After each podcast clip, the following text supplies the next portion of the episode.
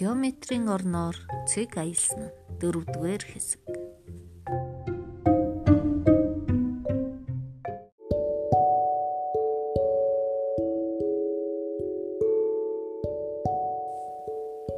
Шүн бүгдийг унтсан хойно үл мэдэх зүүдлв. Тэр өөрийгөө алдарт аялагжуулж геометрийн орноор аялж байна гэж зүүдлжээ. Гурван хэрчмтэй тахир шугам авч өөртөө зав хийлээ. Дараа нь тэр маш олон хэрчмтэй уртаас урт тахир шугам авч тэнгис хийв. Тэгээд тэр заваараа эн тэнгисээрээ хөвлөө. Дараа нь эрэгт гарч уул руу зөвлөв. Уулнууд нь ихц дээшээ хурц өнцөг үүсгэн тогтсон өндөр уулнууд байв. Үл мэдэх хамгийн өндөр их зуулын оройд амархан авирч гарав. Гэтэл уулнууд орхноо яасан ч юмгүй мэд гурвалжингууд болон хувирлаа. Тэд үл мэдхийг тал талаас нь тойрон бүсэлж намайг юу гэж нэрлэдэг вэ? Би ямар гурвалжин бэ? гэж бүгд асууж шалцгаав. Үл мэдхийн нүдний өмнө гурвалжингууд жирэлцэн. Чухам хинд нь хариулах учраас тэр олохгүй л байв үл мэдэх бүр сандарч юу ч хэлэлгүй зогссоор л байлаа. Тэгтэл нэг гурвалжин бусдын өмнө гарч ирээд бүгдэд сонсдох чанга дуугаа. Чимээг байцгаа. Түүнээс бүү асууцгаа. Тэр лав юу ч мэдэхгүй биз? Түүнд бүгдийг заахаас яах вэ блэ? гисгэв. Гэтэл бүр хачин юм болов. Харсаар байтал тэр гурвалжин хэлбэрээ өөрчлөв. Дөнгөж сая мохоо өнцөгт гурвалжин байснаа гинэт тэгш өнцөгт дараа нь хурц өнцөгт гурвалжин болчихов үл мэдэх гурвалжны хувирхыг гайхан харж зогсно. Харин гурвалжин хөгжилтэй дуугаар сургуульд ороогүй хинч сурч амархан мэдчихдэг хурц мохоо тэгш үнцэгт нэртэй хүндэт гурвалжин ах нарчин байна гэж уран тодоор уншиж байна. Би гурвалжингуудын талаар мэдэх юм чинь гэж үл мэдэх хашгирах гэтэл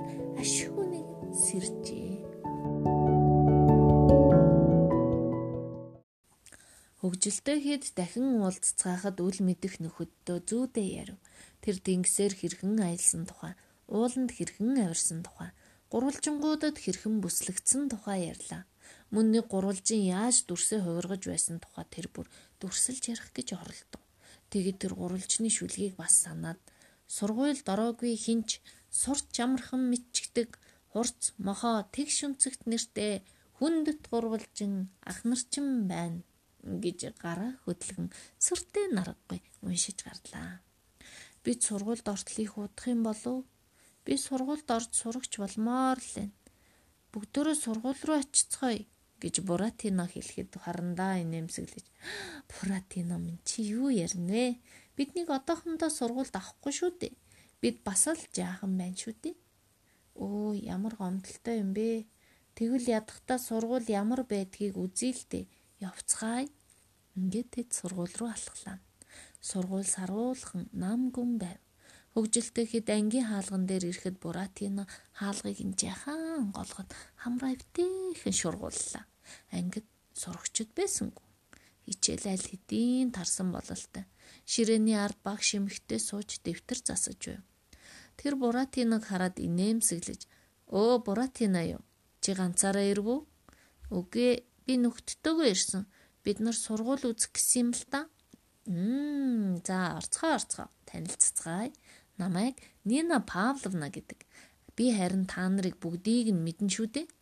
Буратино үл мэдэх хичээнгүй харандаа дөрөв эргэн тойрноо сонирхон харж байхад Нина Павловна энэ бол ширээ хичээлийн үед сурагчид ширээнд суудаг. Энэ бол ангийн самбар. Энэ шохоо. Бид самбар дээр шохоогоор байнга бичиж зурдаг. Та нар ч гэсэн бас зурж үзэж болно шүү. Хичээнгүй самбарт гар. Бусд нь ширээнд цуцгаа. Өө, бид яг сурагч шиг суух уу? Бид сургууль болж тоглох юм уу? гэж Буратино баярлан хашгирав. Сургууль болж тоглож болгүй яах вэ? Ингээд Нина Павловна хичээнгүй самбарт хариулж бусд нь чимээгүй сууцгааж бай. Хичээнгүй чи юу зурх вэ? Гэж асуухад би тэг шүнцэгт гурвалжин зуръя. Мм чи гурвалжин гэж юу гэдгийг тэгээд бас тэг шүнцэг гэж юу гэдгийг мэддэг гэж үү гэж багш гайхан асуухад тийм ээ бид энэ бүгдийг мэддэг. Бид харандаатай цуг геометр үзсэн. Оо үүнийг сонсоход тун таатай байна. Сайн байна. Та нарын үдсэн бүх юм сургууль сурахад чинь хэрэг болно. Та нар юу үзэж амжсан бэ? Жишээлхэд дөрвөн өнцгтийн талаар чи нөхөдтэй ярьсан уу? Ингэж багш харандаа руу хандан асуухад арай үзээгүй байгаа. За тэгвэл би та нарт дөрвөн өнцгтийн талаар ярьж өгье. Бид чинь сургууль болж тоглохоор тохирсон баха. Ингэхээр би та нарт ямар нэг юм тайлбарлаж өгөөд асуух ёстой болж байна да. Та дүн тавих уу?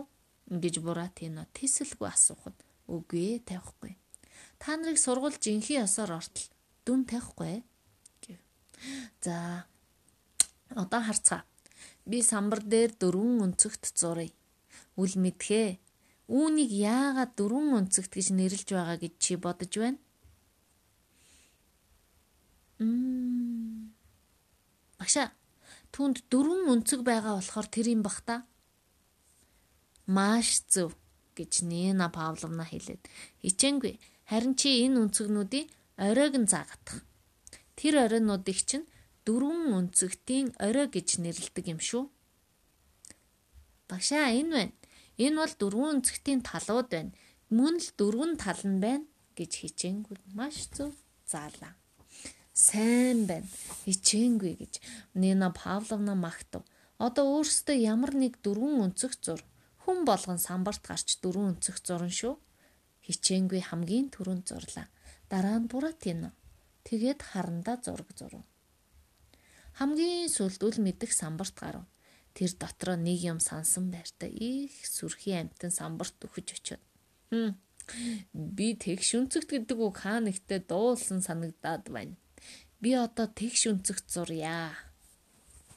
гэд зур. Зурга зурв. Чи яагаад үнийг тэгш үнцэгт гэж нэрлэвэ? гэж Нина Павловна гайхан асуухад. Багшаа энэ тэгш үнцэг байна шүү дээ. Энэ байна гэж зурсан тэгш өнцг рүүгээ хуруугаараа зааж үзвэл. Тийм байна л да. Гэхдээ ганцхан л тэгш өнцөгт өнцөг байна. Харин тэгш өнцөгт гэдэг бол бүх дөрвөн өнцөг нь тэгш өнцөг байдаг тийм юм байдаг шүү дээ. Алив харанда чи бидэнд тэгш өнцөгт зураад үзүүлээч. Харанда томоо гурвалжин шугам авч самбарт гараад тэгш өнцөгт зурлаа. Энэ бол тэгш өнцөгт. Үүний бүх өнцөг нь тэгш байна гэж тэр хариулахад сайн байна гэж Нина Павловна магтаад одоо эргэн тойрноо харцгаа. Тэгш өнцөгт хэлбэртэй юмнуудаас нэрлээрээ цонх, хаалга, ангийн самбар гэж Буратино үл мэдэх хичээнгүй гурав өрсөлдөн хилцгээв. Анхаараарай гэж Нина Павловна үргэлжлүүлэн ярив. Тэр харандагийн зурсан тэгш өнцөгт рүү заагаад энэ хоёр тал адил урттай. Үүнийг өөр хоорондоо тэнцүү гэж ихэвчлэн ярьдаг юм шүү. Энэ хоёр тал бас л өөр хоорондоо тэнцүү. Ер нь альва тэгш өнцгтийн эсрэг талууд өөр хоорондоо тэнцүү байна. Одоо бүгдээрээ савх моднуудаар тэгш өнцөгт хий. Үүний тулд ямар савх моднууд авбал зохих вүлээ?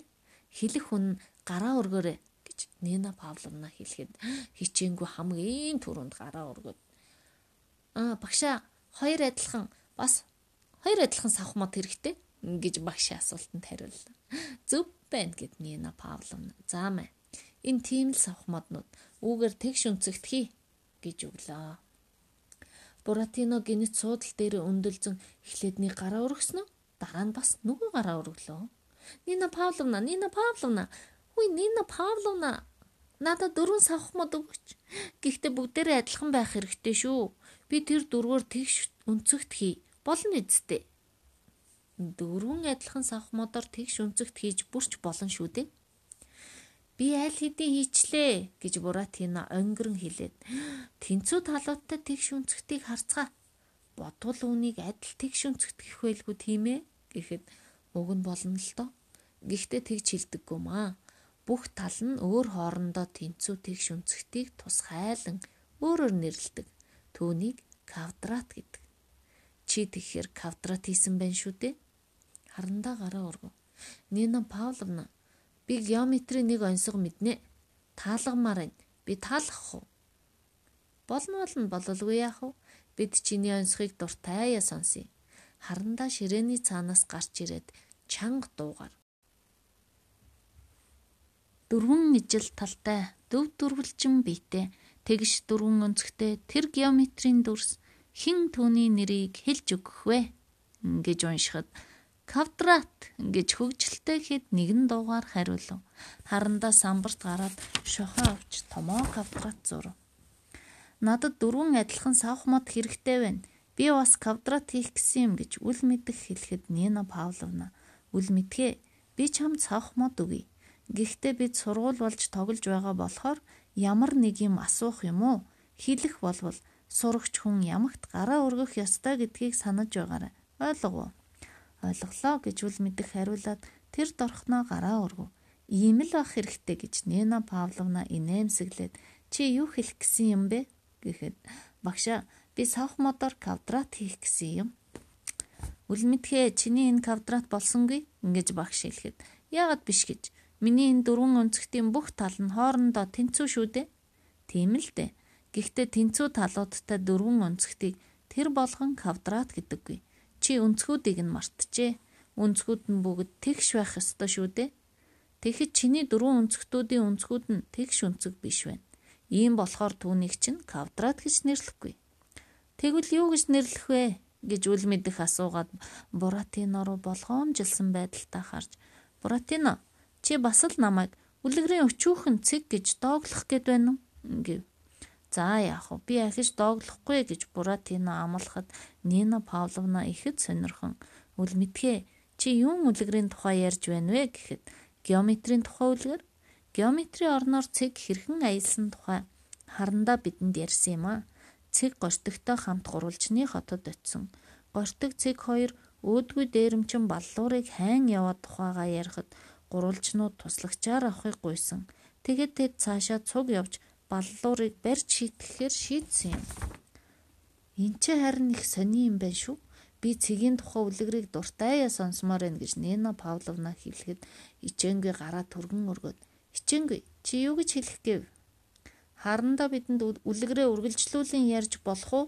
Бид үлгэр сонсоогүй зөндөө удлаа. Би зөвшөөрнө. Харандаагаас үлгэрээ ярьж өгөхийг гуйцгаая. Гэхдээ эхлээд би үл мэдхийн асуултанд хариулах ёстой. Бүх тал нь хоорондоо тэнцүү дөрвөн өнцгтийг юу гэж нэрлэдэг вүлээ? гэж үл мэдэх надаас асуусныг та нар санацгааж байна уу? Тийм дөрвөн өнцгтийг ромб гэдэг юм. Нааша харцгаа би самбарт хид хідэн ромб зуръя. Ингээд Нина Павловна шохоогоо тавиад би та нарт бараг л хичээл заачихлаа шүү дээ. Хичээлийн эцэст гэрийн даалгавар ямагт өгдөг. Би та нарт бас гэрийн даалгавар өгнө тэгш өнцгүүдтэй ромбын талаар юу гэж хэлж болохыг бодож ирээрээ. Одоо харин үлгэрээ сонсож болно. Харандаа бид одоо чиний ярихыг сонсъё. Бүгд тухлан сууж харандаа үлгэрээ ярьж эхлэв.